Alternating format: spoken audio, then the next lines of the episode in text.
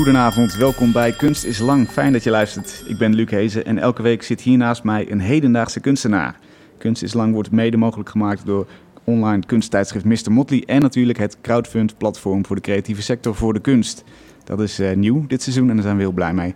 Wat betekent dat? Nou, bijvoorbeeld dat aan het einde van deze uitzending fotograaf Joyce de Vries aanschuift met een project. En dat kun je via Voor de Kunst steunen. Het gaat om een fotoboek waarin de ongelijkheid tussen mannen en vrouwen wordt vastgelegd.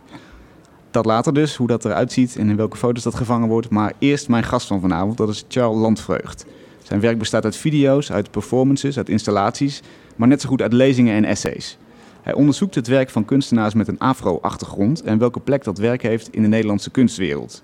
Dat doet hij bijvoorbeeld in de performance Movement Number 6, Destination Inner Space. Je ziet Charles dansen met een Transformer-masker op voor een video waarin verschillende beelden en muziek worden vermengd. Ziet de 18e eeuwse zwarte componist St. George, afkomstig uit een eiland op de Kleine Antillen, maar ook uh, 20e eeuwse teksten van schrijvers als Frans Fanon en Edgar Cairo, muzikant en componist Sun Ra en de Transformers komen daarin terug, Star Wars en, alsof het nog niet genoeg is, popidolen als Grace Jones en Nicki Minaj. Bovendien promoveert Charles op curating aan de Royal College of London. Een hele nieuwe blik dus op een identiteit die bestaat uit verschillende achtergronden en de nieuwe beeldtaal die daarbij hoort. Daar gaan we het vanavond over hebben. Wil je tijdens het gesprek al iets zien van Charles? Ga dan naar mrmotley.nl. Amsterdam FM. Zo, Charles, een heel verhaal. Welkom. Hi. Leuk dat je er bent. Even vertellen, je bent geboren in Paramaribo. Op je vierde kwam je naar Rotterdam. En op jouw website staat, daar begon het denken over burgerschap en uh, waar je voelt dat je thuis hoort, het belonging. Nou, daar het denken begon natuurlijk niet op mijn vierde. Nee, zelfs niet bij jou? Nee, nee, nee, helaas. Ik dacht op mijn zesde wel, wat eh, zit er uh, voorbij de sterren? Maar dat, uh, dat terzijde. Um, ik denk dat het denken over burgerschap en belonging Mhm. eigenlijk begonnen is op um, mijn negentiende. En dat was een voorval wat ik met je wil delen. Tot die tijd wist ik niet dat ik zwart was. Ja, ik wist wel dat ik bruin was, Ja. maar ik wist niet dat ik zwart was en dat dat iets anders was. En we waren eens uit met wat vrienden en we kregen ruzie met een andere groep jongens. En die hadden zoiets van rot op naar je eigen land. Dus ik was zo verbaasd dat ik echt letterlijk achterom keek tegen wie heeft hij het. Ja. maar hij had het dus schijnbaar tegen mij. Um, dus dat werd een hele discussie. En die ervaring die delen meerdere mensen van mijn generatie. Dat ze eigenlijk pas op een veel latere leeftijd erachter komen dat hun etniciteit ertoe doet. Of dat dat iets anders is dan de etniciteit van anderen. En waar zit de nuance tussen, bruin en zwart in dit verhaal? Uh, zwart als een politiek gegeven. En ik gebruik nu even bruin omdat we net het gesprek begonnen zijn, maar ik zeg dan eigenlijk afro. Ja, Ja. Oké. Okay, ja. Dat, is- dat, dat is de, de correctere term. of in Dat ieder is geval... voor mij de correctere term. Ja. Nou, en wat gebeurt er dan? Dan heeft het denk ik uh, tot mijn 27e geduurd voordat ik eigenlijk realiseerde wat het effect was van die etniciteit. Dus je moet je voorstellen dat voorheen, als, je, als iets niet lukte of iets ging niet goed, dan dacht ik, nou je komt ergens binnen. Eén op de tien mensen, die moet je niet en dat is nu eenmaal zo. Ja, fact of life. Ja, fact of life. Of uh, als iemand onaardig is, nou dan zal die wel een rotdag hebben gehad of zo. Dus je moet je voorstellen, tussen mijn 19 en mijn 27 kwam het besef dat dat niet altijd de waarheid was. En dat het soms ook gewoon was omdat men een idee van mij had vanwege mijn huidskleur. En hoe, hoe kwam je erachter? Kun je daar eens een voorbeeld van geven?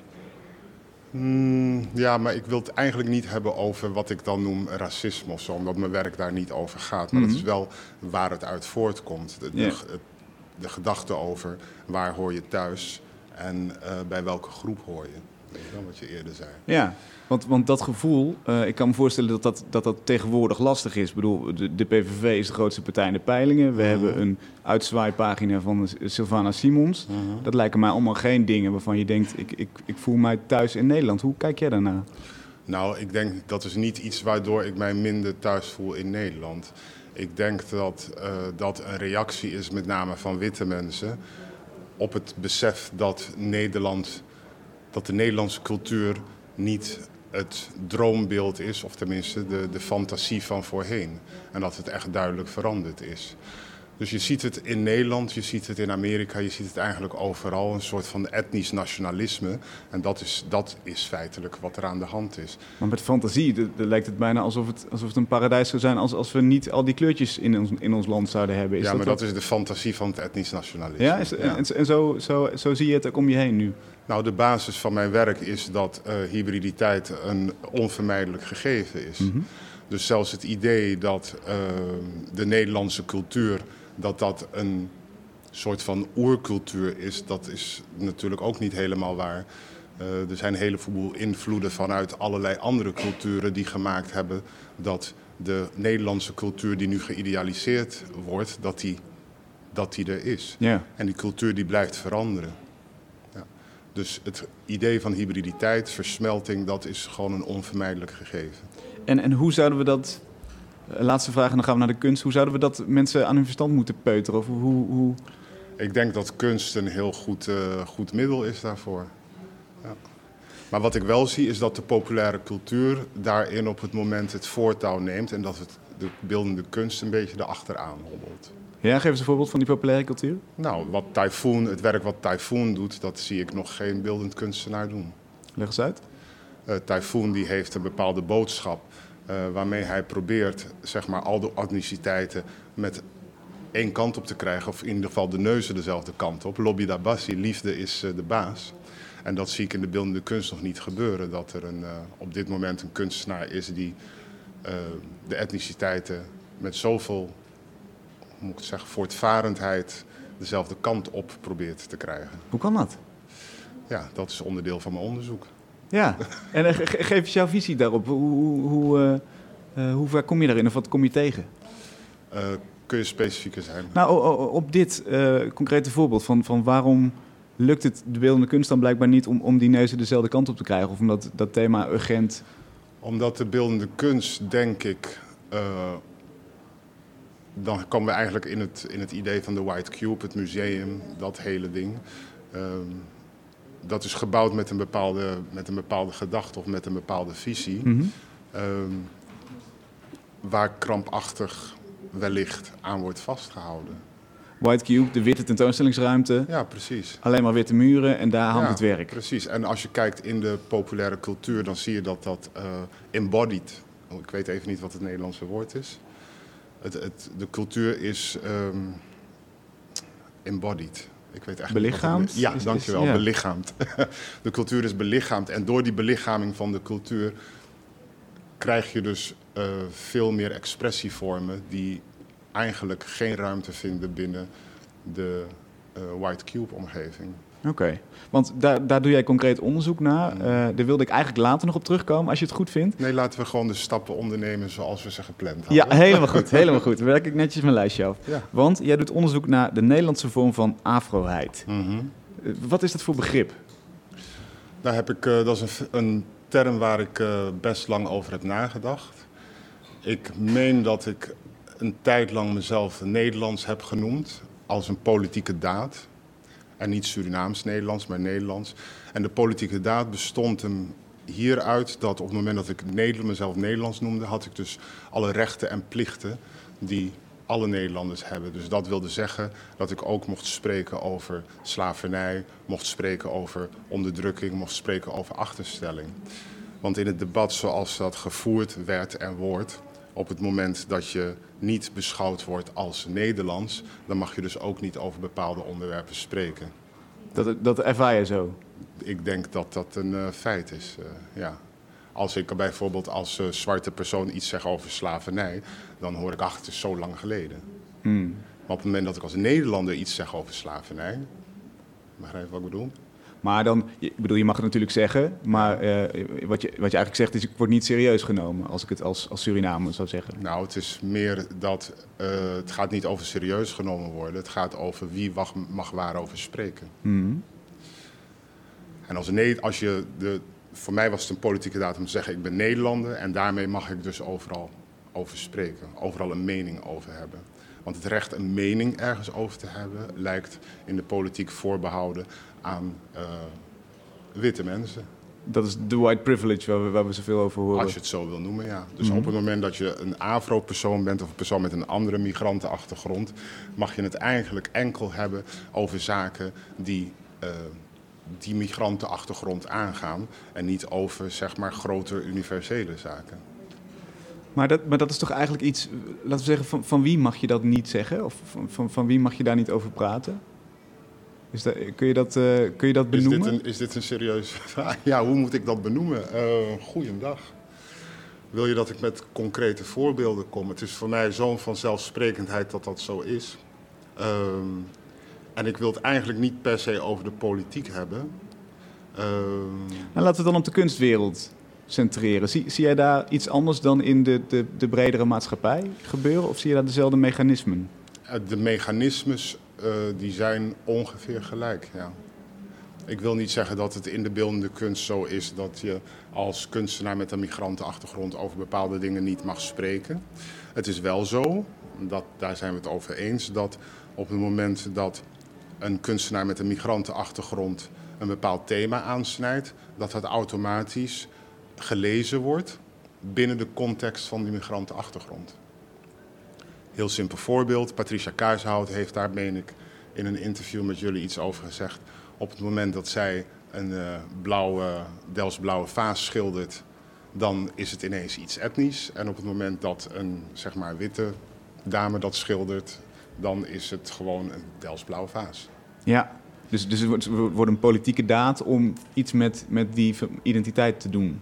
Met, met de stereotypen Nou, dat het is niet zozeer een, een politieke daad als wel dat je, zoals ik zei, met het, wat er gebeurde op mijn negentiende. Je, ik begon met de droom dat ik kunstenaar ging worden. Dat was echt een droom. Ik ga kunstenaar worden en ik ga mooie dingen maken. En binnen twee jaar op de academie werd ik een, werd ik een zwarte kunstenaar gemaakt. Tegen mijn wil in.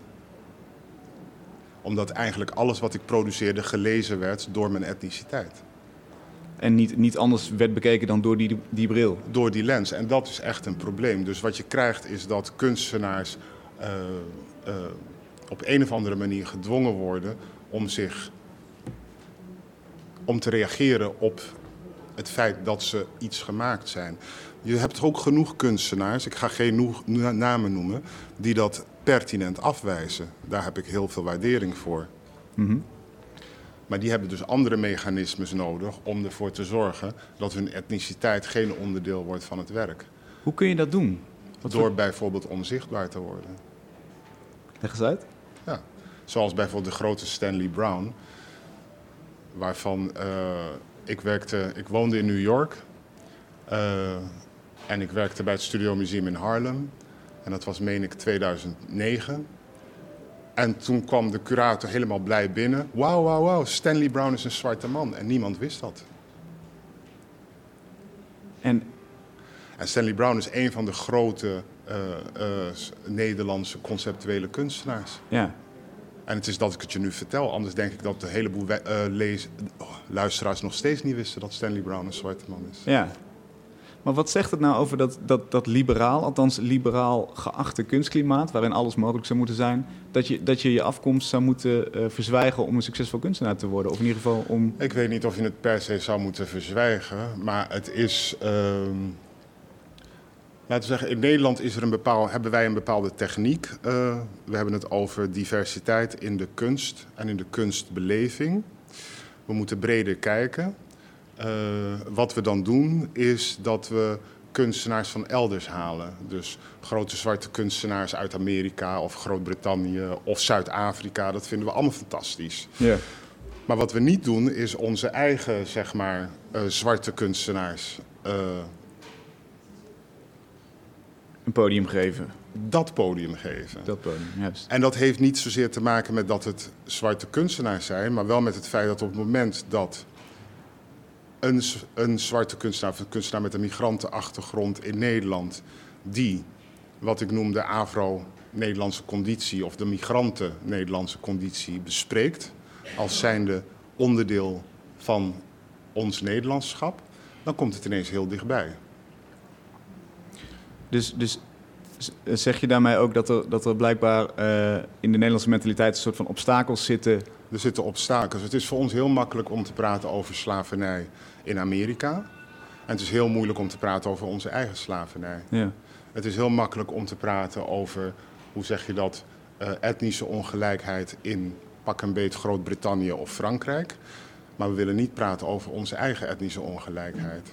Op het moment dat je dus een kunstenaar een podium verschaft die bijvoorbeeld wel daarover spreekt, dan ga je het dus ineens hebben over Nederland. En dan wordt het moeilijk. Mhm. dan, is het, dan is het allemaal heel ingewikkeld. Dus het is niet zozeer een, een probleem of een issue wat speelt in de kunstwereld, als wel dat het een breder maatschappelijk issue is.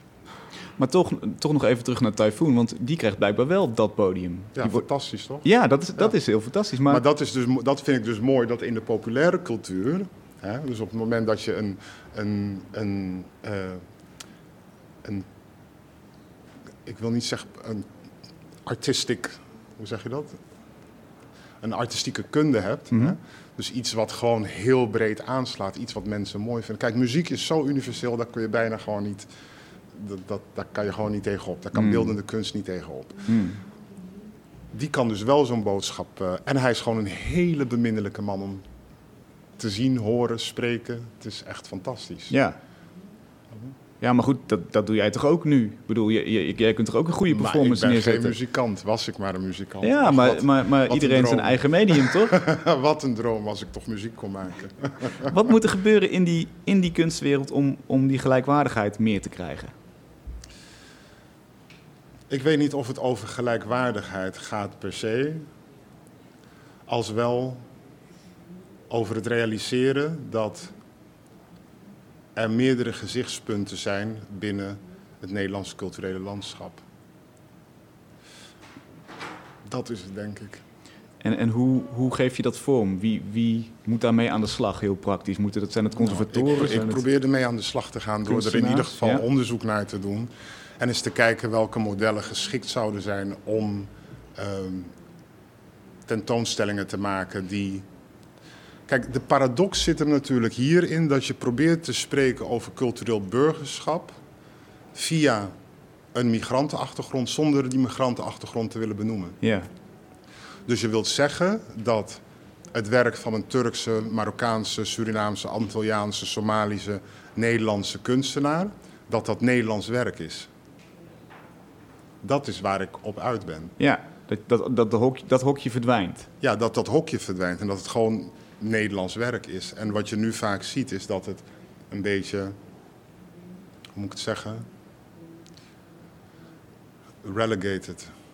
Een beetje teruggeschoven wordt naar de, de omgeving waar de persoons familie oorspronkelijk vandaan komt. Mhm.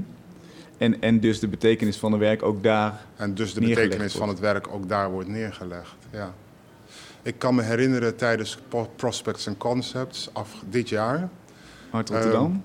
Uit Rotterdam, hartstikke leuk. Ehm verscheen er een lijstje op het internet met tien werken die je gezien moest hebben. Mhm. Mijn werk was daarbij, dus ik was ontzettend verheugd. Ik dacht, dacht nou, dat heb ik toch leuk gedaan. Mhm. Ehm, dus ik was heel erg blij met die eervolle vermelding. Totdat ik het stukje ging lezen wat erbij eh, stond. En het kwam eigenlijk een beetje op neer met etnische, eh, hoe noem je dat?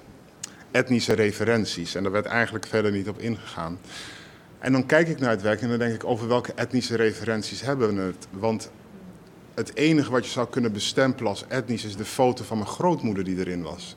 Kun je heel kort omschrijven wat, je, wat we zagen in die installatie? Het was een, eh, wat ik had gedaan, is ik had een werk gemaakt wat eigenlijk gebaseerd is op mijn huishoudelijk, op mijn huishouden. Oftewel een schouw, met de manier waarop ik daar zelf foto's en schilderijen op plaats. Met eh, nou ja, twee van die kemphaanvogeltjes, je kent ze wel, die vroeger als eh, talking piece fungeerden. Die stonden boven op de, op de schoorsteen. Mhm. Het werk ging over huiselijkheid. Ik wilde eigenlijk inzichtelijk maken hoe dan Nederlandse afroheid eruit ziet. En daar hoort dan een foto van mijn grootmoeder bij, waarvan ik eerst toestemming heb gevraagd: mag ik de foto van oma gebruiken? Ja, jongen, doe je ding. Mhm. Hè? dus ik die foto erbij. En ik vraag me dan af: had ik daar een foto in geplaatst van een witte oma? Was de opmerking over etnische referentie dan ook gemaakt. Zijn we in staat om het zwarte lichaam, of het migrantenlichaam in het algemeen, te zien als niet een signifier of otherness, Mhm. maar gewoon als een signifier of human? Gek genoeg. Is het helder? Ja, Ja, ik denk dat het helder Ja, is wat ja. ik zeg. Kan dat? Is dat mogelijk? En, en, en dat is eigenlijk waar jij onderzoek naar doet. En je kijkt ook eh, naar kunstenaars met een, een afro-afkomst en hoe hun werk visueel eh, gekaderd wordt en hoe zij dat zelf doen. Juist. En ik kijk heel specifiek naar kunstenaars met een afro-achtergrond, omdat afroheid niet weg te poetsen is. Ik eh, ben opgegroeid met eh, een jongen die uit Joegoslavië kwam. Hele goede fotograaf overigens. En nu zijn we volwassen en er is niemand die aan hem vraagt, maar waar kom je echt vandaan? Hm. Terwijl de kinderen van mijn jongste zus, mijn jongste zus is in Rotterdam geboren, haar man eh, ook en die kinderen dus ook. En die kinderen zijn dus op papier eh, autochtoon. Mhm. En die kinderen komen thuis en die zeggen: eh, Ja, iemand zei tegen me: Ga terug naar je eigen land, maar oma komt toch ook uit Rotterdam? Ja. Dus die signifier van afroness kan je niet wegpoetsen. Dus vandaar dat ik kijk naar afro-mensen heel specifiek. Omdat ik denk dat afro-mensen strategieën ontwikkelen om staande te blijven, maar ook om een plek te veroveren in de maatschappij die bruikbaar kunnen zijn voor alle andere groepen mensen. ja. Juist omdat die signifier of afroness niet weg te poetsen is. Zou die weggepoetst moeten worden? Nee, absoluut niet. Ik vind het beeld schoon. Ja. Ik kijk telkens en ik denk, nou, dat heb je toch leuk eh, geregeld. Nou, niet zelf geregeld, maar Ja, je, je hebt het je best getroffen daarmee. Maar toch zit er, zit er een soort eh, eh, element van een soort van tweederangs burgerschap in. Dat klinkt erin door. Nou, ik weet niet of er een element van tweederangs burgerschap in zit, wellicht vanuit de etnisch-nationalistische tendensen. Mhm. Guno Jones heeft recentelijk een essay geplaatst op academia.eu. Ik zal het zo even opzoeken. En dat gaat dus inderdaad over burgerschap. Je moet je voorstellen dat Afro-mensen uit bijvoorbeeld het Surinaamse gebied eh, tot na de slavernij geen burgers waren. Dus het burgerschap is een recentelijke, hoe zeg je dat, Eh, winst, om het zo maar te zeggen. ja. Verworvenheid. En vanuit de Nederlandse optiek, of zoals Guno Jones dat omschrijft, is dat eigenlijk nog steeds gaande. Dat burgerschap blijft, wordt altijd betwijfeld. Dus je hebt eigenlijk altijd een extra, hoe zeg je dat? eh, je moet dubbel zo hard bewijzen dat je inderdaad Nederlands bent. En dan Ja. wordt er nog aangetwijfeld. Ja. Dus wat ik altijd zeg, je kunt met alle wil van de wereld, maak je van mij geen cultureel Zuid-Amerikaan. Ik kom uit Rotterdam. Sterker nog, ik kom uit Rotterdam-West. dus dat is heel specifiek. Dat is waar ik vandaan kom. Mm. Dat is wat ik ervaar als zijnde eh, mijn Identiteit. identiteit. Ja. Terwijl daar ook een cultureel Surinaamse ding in zit. En er zit ook een cultureel Amerikaanse ding in en alles. Maar al die verschillende dingen bij elkaar neemt niet weg dat ik nog steeds een jongen uit Rotterdam-West ben. Juist.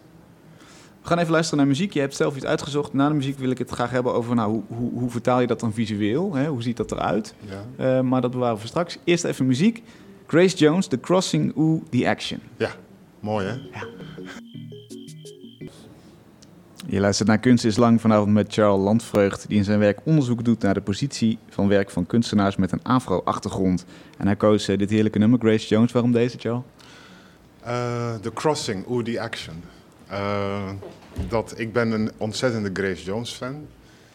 Ik had een poster als 14-jarige. En mijn moeder zei, waarom heb je niet een poster van een leuke vrouw? maar ehm The Crossing symboliseert voor mij een beetje de oversteek. En de subtiteltekst daarvan is The Action. Mhm. Eh, je moet op een gegeven moment moet je ergens doorheen om aan de andere, via actie om aan de andere kant ergens uit te komen wat, beter is voor iedereen. En ik heb het gevoel dat we daar nu middenin zitten. We zijn met z'n allen een oversteek aan het maken naar de andere kant. En, en we zijn de hele maatschappij? Of? Ja, de hele maatschappij, gewoon als, als culturele, cultureel geheel. En waar gaan we naartoe? Wat is de overkant? Dat weet ik nog niet. Dat weet ik nog niet. En, en wa- waar zijn we vandaan vertrokken? Welk beeld laten we achter ons? Culturele, het idee van culturele superioriteit van één groep. Dat laten we achter ons. Ja, En hoe heet ze? Van VVD? Schippers? Ja. Mevrouw Die- Schippers van... Die eh, sprak gisteren of eergisteren, nou ik viel van mijn stoel, over hoe superieur onze cultuur is. dat we niks meer moesten aannemen van... Andere, islam het is en een zo'n mooie fantasie. Echt, het is ongelooflijk. Vind je het een mooie fantasie? Ja, het is een leuke fantasie. Maar echt, eh, dit is natuurlijk sarcastisch, want het is... Ja, dat gaat De helemaal haren nergens staan, heen. staan recht op Het gaat, in. helemaal, het gaat helemaal nergens over. Maar je hebt dit soort. eh, ergens heb je dit soort excessen nodig om, eh, om weer ergens in het midden te belanden. Je moet naar het uiterste om, te- om je, je zinnen weer te hervatten. Hmm. En te bedenken van wacht even, waar, waar ik nu mee bezig ben is echt. Dat gaat echt helemaal nergens meer over. Dus mevrouw Schippers die, die, eh, die vertolkt die stem, zeg maar. Nou, ik denk dat het hele het debat op het moment een beetje heel erg, eh, met een mooi woord, polariserend, heel erg extreem naar links en naar rechts gaat. Ja, Ik heb er het volste vertrouwen in dat we eindstand gewoon weer netjes in het midden eindigen. We zijn toch polderaars. Dat vind ik fijn. ja. nou, dat, is, dat vind, ik, vind ik wel een mooie boodschap. Ja. het Goed dat je dat zo, eh, zo ziet. Maar we moeten nu door de pijn heen en het doet aan alle kanten pijn. Hm? Het doet pijn aan de, aan de, eh, aan alle etnische kanten doet dit pijn. Voor iedereen. Dus eh, dat is niet erg. Oké, als jij het zegt, Ja, vanavond. het moet even, denk ik. Ja, maar, maar het gaat ons wel iets beters opleveren dan, hoop ik toch. Met, eh, in Suriname zeggen ze met Gods wil. Oké. Ja. Jij, jij hebt ehm, die afroheid, die specifiek Nederlandse afroheid. Die, die Mhm. term introduceer je om te kijken naar eh, het werk van kunstenaars met een afro-achtergrond. Hoe, hoe, ge- hoe geven die zichzelf vorm? Hoe, hoe, hoe uitzicht dat? Nou, dat vind ik. eh, ik zal twee voorbeelden noemen: Patricia Kaarsenhout en Remy Jungeman. Het vormgeven van zelf gebeurt natuurlijk aan de ene kant door activisme. Ehm, en aan de andere kant door echt maximaal te, nou ja, ik zou bijna zeggen participeren. Dat, vind ik eigenlijk niet het juiste woord. En wat je ziet is dat in de activistische hoek, als je dat zo mag noemen, is er een, een verzet. En het eh, eh, uitkristalliseren van wat dan die afroheid betekent in de Nederlandse context. Ehm, een voorbeeld daarvan is dan Patricia Kaarsenhout, die zegt van nou weet je wat, ik maak mijn werk, maar ik ga niet meer per se zoeken naar die erkenning, als je dat zo kan noemen, binnen de White Cube-omgeving. En dat hoeft ook helemaal niet, want haar werk wordt in het buitenland wel ontzettend gewaardeerd. En in de, eh, niet dat het in Nederland niet wordt gewaardeerd, maar daar wordt het meer gewaardeerd. En in, de Nederlandse afro, in het Nederlands afro-circuit wordt het ook gewaardeerd. Dus dan kun je je af gaan vragen, ik zeg niet dat zij dat per se doet, maar je kunt je af gaan vragen in hoeverre heeft die, dat White Cube circuit, in hoeverre is dat belangrijk voor de ontwikkeling van het zelf binnen een kunstcontext. Aan de andere kant heb je Remy Jungeman, die heeft gekeken vanuit zijn eigen Maron-achtergrond. Geometrische figuren, hij heeft dat uitgelegd hier, als ik me niet vergis. Ja, zeker. Hij, hij was eh, Eh, een van onze eerste gasten. Precies, hoe die geometrische figuren een groot belang spelen in Afro-Surinaams denken. Eh, hoe dat uiteindelijk gelinkt wordt met het modernisme. En verrek Warempel, twee jaar geleden maakte hij een stap. En hij klapt het ineens allemaal horizontaal. Nou, die stap heeft geen enkele modernist eerder gedaan, zover ik weet. En ook binnen de Afro-Surinaamse esthetiek is dat een hele nieuwe stap. En wat hij doet door die stap te maken, is heel expliciet ons Nederlandschap bevragen. Wat ik er interessant aan vind, is zijn vraagstelling, hoe gaat, eh, hoe ons kunstcircuit in elkaar zit, wat nou feitelijk kunst is, ehm, eh, op welke manier dat gewaardeerd is, op welke manier dat gewaardeerd wordt. Dat is een hele interessante these waarvan ik denk, nou, daar zouden toch eh, menig eh, eh, museum op moeten springen. Gek genoeg weer, hij heeft natuurlijk een mooie tentoonstelling gehad in, in, In Den Haag. Den Haag. Het was Mhm. echt schitterend. Gemeentemuseum. Ja, het was echt schitterend. Ehm, maar wederom, in het buitenland hebben ze zoiets van... wat een held, wat een god, wat kunnen we met je doen? Ja, dus daar gaan nog meer deuren open. Daar het gaan nog meer deuren open... terwijl hij, deze kunstenaar, in de Nederlandse context... voor ons een schat kan zijn... Mhm. in het realiseren van onze, hoe zeg je dat? Multiplicious identity, dus de meervoudigheid van onze Nederlandsheid. Daarmee bedoel je ook het erkennen van andere culturen als, als essentieel onderdeel van die... Het erkennen van andere invalshoeken als essentieel onderdeel van die identiteit. Want ik beschouw mijn cultuur als Nederlands. Hm. En ik denk dat bijvoorbeeld iemand als Patricia, haar cultuur is ook Nederlands. En Ja. van Remy, eindstand ook. En je moet je voorstellen, met mensen met een Surinaamse achtergrond... onze cultuur is nooit iets anders geweest dan Nederlands. Ook al was het overzees. Ja, precies. Dus, begrijp je? Eh, het is gewoon een andere vorm van Nederlandsheid. En die andere vormen van Nederlandsheid moeten een, een denk ik dat, het, dat we er naartoe bewegen dat die een plek krijgen in onze nationaal idee van wie we zelf zijn. En niet alleen maar om bepaalde ideologieën te onderstrepen. Snap ik. En, en, en dat, dat moeten we doen. Je zei het zelf al eh, voor de muziek. Dat, dat probeer ik te doen in mijn werk als kunstenaar. Maar wat, wat kunnen instellingen dan doen? Of wat moeten curatoren doen? Wat moet het publiek misschien wel doen?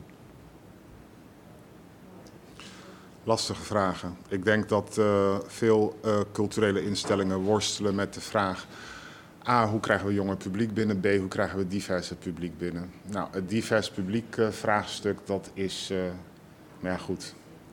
Je moet gewoon dingen doen die de mensen aanspreken. Ja, Het is, zo, Want ik het denk is, dat- het is heel simpel. Heel ik denk toe- diversiteit wordt al 30 jaar in musea ge- Ja, het geprobeerd, wordt, wel, het wordt wel besproken, maar niet bedreven. Dus als jij, ik vroeg daar net nog heel leuk aan eh Lineke, hoe ziet jullie redactie eruit? Van Mr. Motley. Ja, Ja. ja. Weet je, waar is die leuke blakka chick of die leuke eh, Indo-boy of die leuke, eh, weet je, waar is die? Mhm. Daarmee, dat is, al, nee, maar dat is al heel simpel, omdat daarmee een bepaalde blikverruiming plaatsvindt en dingen net op een andere manier bekeken worden. Eh, zo is het volgens mij ook op academisch, heb ik me laten vertellen. Ook, ook, eh, volgens mij was jij de enige bruine student daar, klopt dat? Destijds wel, ja. Ja. ja Is dat, is dat aan het veranderen, heb je het gevoel? Ja, goh. Ik doe wel eens eh, lesgeven, of tenminste invalles, autonoom. Mhm. En dan valt het me bar tegen. Ja. Hoeveel. Maar zitten ze ook niet ergens anders? Zit, zit de toekomst van hedendaagse kunst niet buiten de musea, buiten ik, die denk, ik instituties? denk het wel, ja. Dat denk ik wel. Mo- moeten we ons dan nog boos maken omdat het steeds maar niet lukt om die afspiegeling van de samenleving daar te krijgen? Nou, ik, ik, eh, ik ben gek op het modernisme. Het is echt fantastisch. Hele mooie dingen voortgebracht. Het is wat het is. En we gaan nu een nieuwe tijd in. Hedendaagse kunst, of tenminste moderne kunst zoals we het kennen, is nog niet zo oud. We hebben allerlei fases gehad. We hebben nu de White Cube fase hebben we denk ik afgesloten. Of die zijn we aan het afsluiten. Het is tijd gewoon voor een nieuw model. Ja, want jij zegt eigenlijk, je hebt onderzoek daar gedaan ook. Je, je bent bezig met een promotie op curating aan de Royal College of London. Royal College of Art in Londen. Of Art in London, ja, heel goed, goede aanvulling. Ehm, je zegt eigenlijk, die White Cube is niet per se de beste plek voor kunst. Eh, Nee, dat zeg ik niet. Ik zeg alleen dat de White Cube niet per se de beste plek is voor wat er komen gaat. Oké. Wat er op dit moment komt. En, en wat, die, wat is dat die dan? Belichaming, die belichaming van... eh, de belichaamde uitingsvormen van kunst. Kun je eens een voorbeeld geven of een schets van wat er, wat er dan staat te gaan gebeuren? Nou, dat, daar wil ik niet op vooruit lopen. Dat is... eh, ehm, nee, dat, nee, dat kan ik... Dat, nee. Maar hoezo niet? Want, want Nou, omdat het speculatief is. ja, maar, maar dat gezegd hebbende, Dat het speculatief blijf is. ik erbij dat het speculatief. Ik ben ontzettend onder de indruk van het werk van Aruna Vermeulen met het Hip Hop Huis in Rotterdam. Compleet nieuwe organisatie. Het is een hele nieuwe organisatie. Het, het, de kunst wordt daar geproduceerd vanuit het lichaam. Hè? Dus er is een, belichaamde, er is een belichaamd eh, moment. Eh, we kunnen misschien stellen dat relational aesthetics, dat dat een, vanuit het eh, modernistisch denken, een, een, een, hoe zeg je dat, voorbode was op wat ik denk dat er komen gaat. Mhm. Wat ik denk dat er komen gaat. Het idee van een werk op een, hoe zeg je dat, een plint, hoe noem je zo'n ding? Sokkel. Sokkel. Ja, Eh, ja, is voorbij.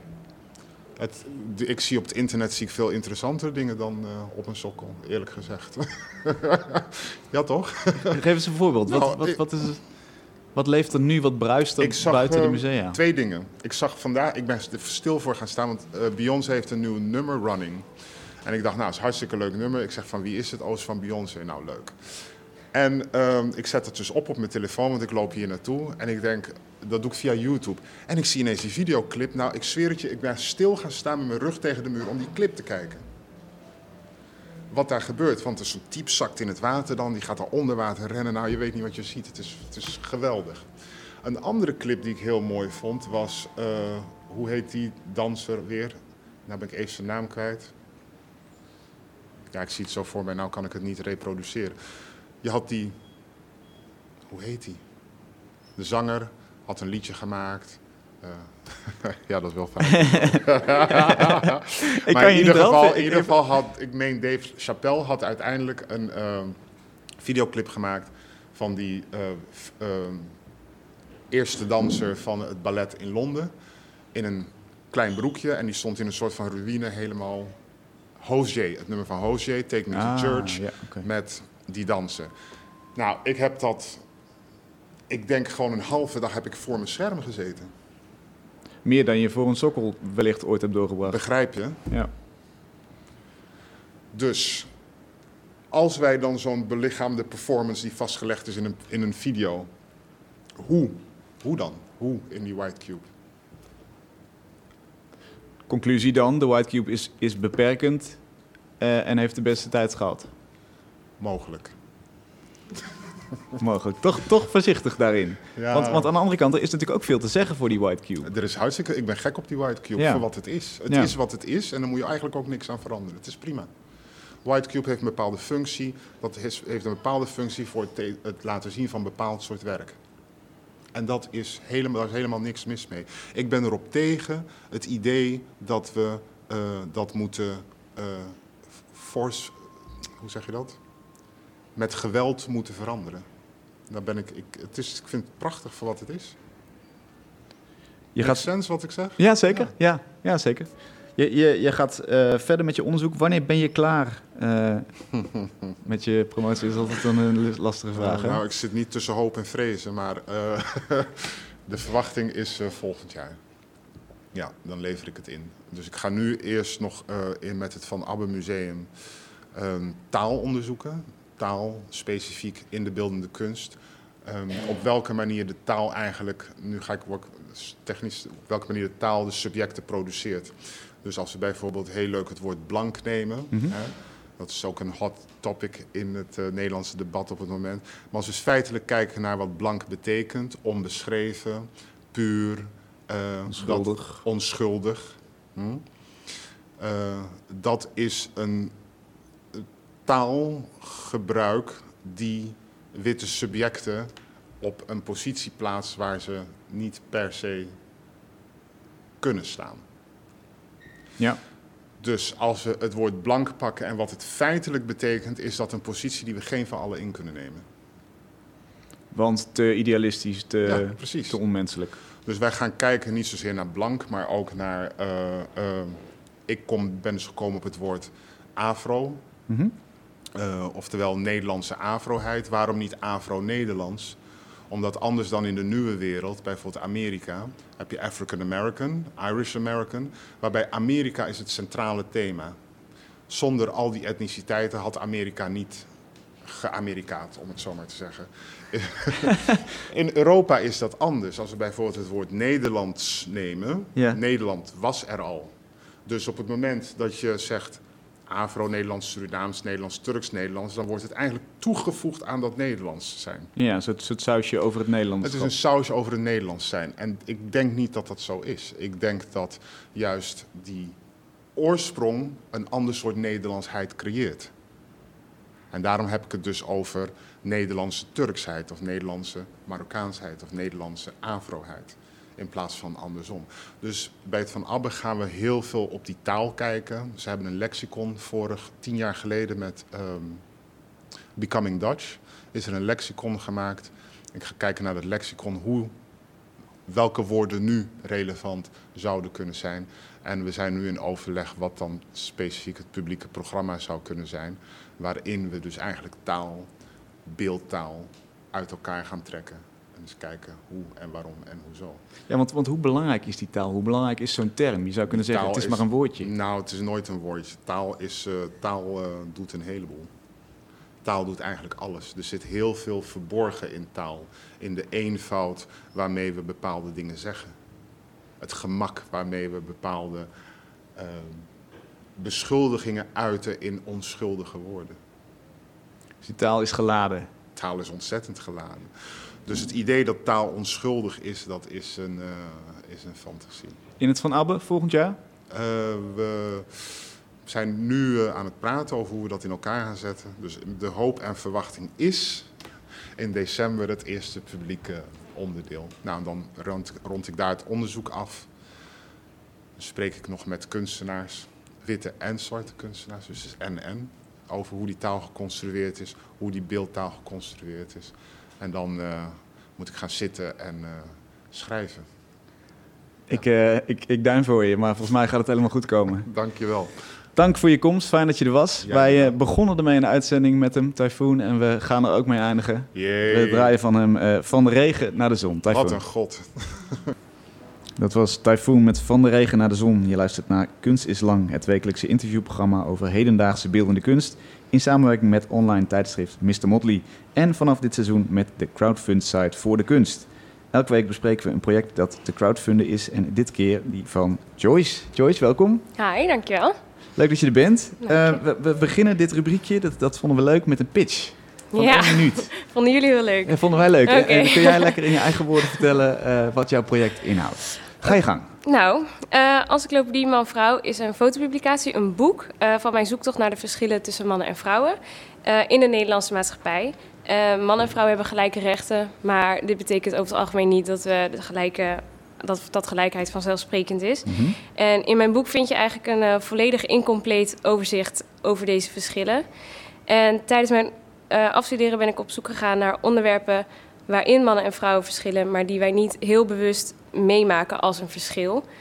En een belangrijk onderwerp wat ik dan bijvoorbeeld behandel is de gezondheidszorg, want die is voornamelijk gebaseerd op eh, blanke mannen van 40 jaar en dat zijn we bijna allemaal niet. Dus ja. Eh, maar ook eh, hoe het schoolsysteem is nu heel erg afgestemd op meisjes. Dat was vroeger meer voor jongens, nu is het meer voor meisjes. Maar dit betekent dus wel dat jongens op dit moment slechter presteren op school. Wat dan vooral weer heel veel andere problemen veroorzaakt. En eh, ik vind het super belangrijk dat deze onderwerpen gewoon meer onder de algemene kennis komen. Want ik ben er eigenlijk van overtuigd dat eh, bewustwording een sleutel is ook naar gelijkheid. En dus samen met uitgeverij Comma en via Voor de Kunst eh, probeer ik dit boek te publiceren. En daar heb je nog een beetje hulp bij nodig. Ik heb daar nog een beetje hulp bij nodig, ja klopt. Laten we eens teruggaan naar die aanleiding, want die, die heb ik stiekem al gehoord, maar die vond ik heel eh, leuk. Vertel eens. Ehm, nou, het was een beetje anders dan die, eh, die ik jou verteld heb. Die was Oh, onderdeel ervan. aha, het begon... een eh, leugentje. Ja, het was een... eh, toen ik dus bewust werd van al die verschillen, viel me dit ook op. Want Mhm. eh, het begon dus eigenlijk met mijn vriend die een surfwedstrijd aan het kijken was op zijn laptop. Toen hij zijn laptop aan de kant schoof. En ik vroeg hem waarom. En toen vertelde hij dus, eh, ja, de golven zijn slecht geworden, dus nu eh, mogen, mag de vrouwenwedstrijd beginnen. Dus ik zeg, wat is dit? Dat is hij- officieel zo. Dat ja, is, het is ondertussen regel. veranderd. Dus nu is het gewoon, hebben ze dagen voor vrouwen, dagen voor mannen. Maar het was toen nog zo dat het, eh, ja, de golven slecht werden. Dus was een nationaal kampioenschap, weet ik veel wat het was. Maar dat, dat was dan voor vrouwen het moment dat ze mochten. Dus als de golven te slecht werden voor de mannen.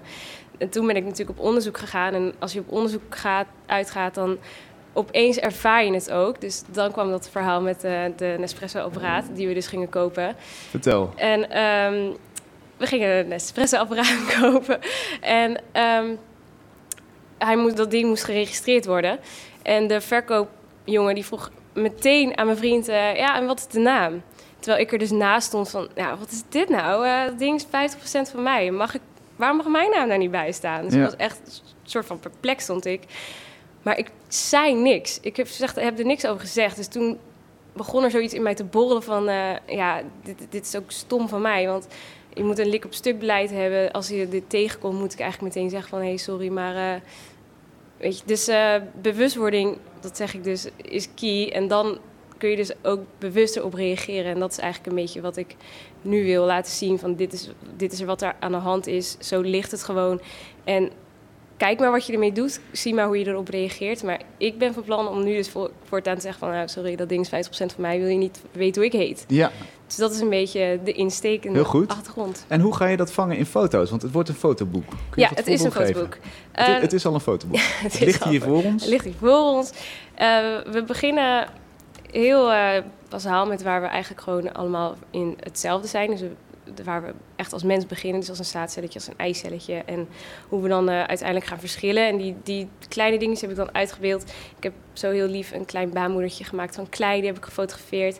En dan, eh, Oh ja, ik zie hem. Een roze, gekleid baarmoedertje. Yes, en dan staat er bijvoorbeeld naast eh, geslachtshormonen zorgen voor mannelijke of vrouwelijke kenmerken. Dus dat is dan eigenlijk een beetje waar het verschil dan vandaan komt tussen mannen en vrouwen. Mhm. Maar ik maak bijvoorbeeld ook foto's van een auto. Want de woorden in Nederlands zijn dus heel erg gebaseerd op eh, mannelijk en vrouwelijk. En de associaties met een geslacht, dat bepaalt dus eigenlijk ook eh, het genus van een woord. Dus blijkbaar Wat mannelijk of vrouwelijk is, dus de Ja. of een... Nee, de of... Nou, blijkbaar associëren wij dus eh, een bal met een man. Dus wordt dat woord bal ook mannelijk. Dus dan heb ik gewoon een balletje gefotografeerd met daarin de, het woordenboek term van of betekenis van een bal. En daar staat dan bij dat het dus mannelijk is. Ik vraag me dus af waarom. Ja, Eh, maar zo gaat het heel veel verder ook. ja doe nog eh, eens een voorbeeld. eh, nou, we hebben bijvoorbeeld Linda, de treinmachinist, die zit eh, te treinen. En Ja, ik zie, ik zie een vrouw een trein besturen. Ze is een vrouwelijke treinbestuurder en ehm, dat, gaat dan, dat hoofdstuk gaat eigenlijk meer over vooroordelen en hoe, hoe zij dan bijvoorbeeld naar haar hoofd geslingerd krijgt. Heel vaak van dan ben je zeker kapot, omdat ze treinbestuurder is. Dat is dus helemaal niet waar. Ze heeft Want gewoon dat zou je niet kunnen als je een vrouw bent. Dat is een beetje de insteek inderdaad. Dat, zo ervaart zij dat dan. Van dat zou ik dan niet moeten doen omdat ik een vrouw ben. Of hoe eh, werkt het dan? Maar ze krijgt dat dus geregeld nog naar haar hoofd geslingerd. Dus eh, ja, het is dus ook waar dat er dus 98,44 procent eh, van de treinmachinisten zijn, zijn nog steeds mannelijk. Ja, En dan heb ik dus een mooie foto van Linda erbij in de, in de trein. We hebben het ook over de gezondheid. In principe dus ook. En dan heb je een mooi portret van Joke. En zij heeft dus een nieuwe hartklep gekregen. En ehm, dan zie je een foto van haar dat ze naar haar borst grijpt. En dan staat er een tekst naast met... eh, haar hartfalen worden behandeld als dat van een man. Wa- wat bedoel je daarmee? Wordt Ze- behandeld als dat van een man? Ja, ze weten dus niet hoe eigenlijk de hartfalen van een vrouwelijk lichaam eruit zien, omdat ze Mhm. dat niet genoeg hebben onderzocht. Dus zij, eigenlijk zijn artsen er heel lang van uitgegaan dat eh, hartkwalen er bij mannen en vrouwen hetzelfde uitzien. En nu komen ze dus langzamerhand achter dat dat helemaal niet waar is. Dus de hele standaard is, zoals je net zei inderdaad, Ja. die, die, die blanke eh, 40-jarige man of, of ouder. Ja, dat is het hem. Dus, en daar kijken ze, zo kijken ze dus ook naar het lichaam van een vrouw. En dat, ons lichaam is dus gewoon heel anders. Dus het, het, het heeft ook hele andere kenmerken. En daardoor worden hartfalen bij vrouwen veel later ontdekt. En eh, zo belanden bijvoorbeeld veel meer vrouwen. Dus in het ziekenhuis ook eh, weten we niet zo goed wat de, wat de bijwerkingen zijn van medicijnen. Ja, duidelijk. Het is gewoon, het is gewoon een heel ander geval. Ja, Stel dat dit allemaal doorgaat. eh, Hoeveel heb je nog nodig? Hoeveel geld heb je nog nodig? oh, ehm 2000 en een beetje. En dan, want, je- want je zei, het boek ligt er al, maar... Het boek ligt er al, ja. Ik heb hem nu eh, gewoon als proefversie, prototype laten drukken. Maar het is de bedoeling dat uitgeverij Comma. Die gaat me daarbij helpen. Die gaat mij helpen het boek echt te drukken, te distribueren. En dan wordt hij gewoon door heel Nederland verspreid. En dan kun je gewoon dat boek kopen. En dan kun je alle onderwerpen bekijken, bestuderen en eh, op reageren. Ja, want het zijn, het zijn allemaal dingen waarvan je denkt, eh, die misschien nog niet eens meteen uit de foto haalt, maar die wel heel prikkelend zijn. Ja. Waarvan je meteen denkt, hé, hey, dit, dit is raar. Waarom, hoe, hoezo, hoezo is dit? Hoe lang heb je gewerkt? Hoe lang ben je op, op onderzoek uitgegaan? Een jaar. Oké, Een helemaal afstudeerjaar. Fors. Eigenlijk. Ja, ja, ja. Ik begon in mijn stageperiode, dus misschien al anderhalf jaar mee bezig. ja. Ja. Wat goed. En, en, en ehm, is dit representatief voor wat jij doet? Want je bent net afgestudeerd aan de academie, geloof ik, hè? Ja, klopt. Ehm, in de zin van dat ik altijd met mannen en Dat je, vrouwen altijd bezig foto, ben. nee, dat je altijd foto's maakt. Oh ja, is ik zo, maak toch? altijd foto's. Ja, ja, ja. Oké. Hey, wel- op welke site kunnen we jouw project gaan bekijken? Via www.voordekunst.nl slash Joyce. Nou, hartstikke duidelijk. Dankjewel, Joyce. Eh, Ja. Ga dat vooral doen, want het is een heel mooi eh, boek. Dit was de tweede aflevering van Kunst is Lang. Wil je thuis meer zien van het werk van Charles? Ga dan naar mrmotley.nl. Daar vind je artikelen en verwijzingen naar zijn werk. En we zijn natuurlijk te vinden in iTunes voor de podcast. Volgende week zit hier Scarlett Hoofd Graafland, de fotografe. Heel graag tot volgende week.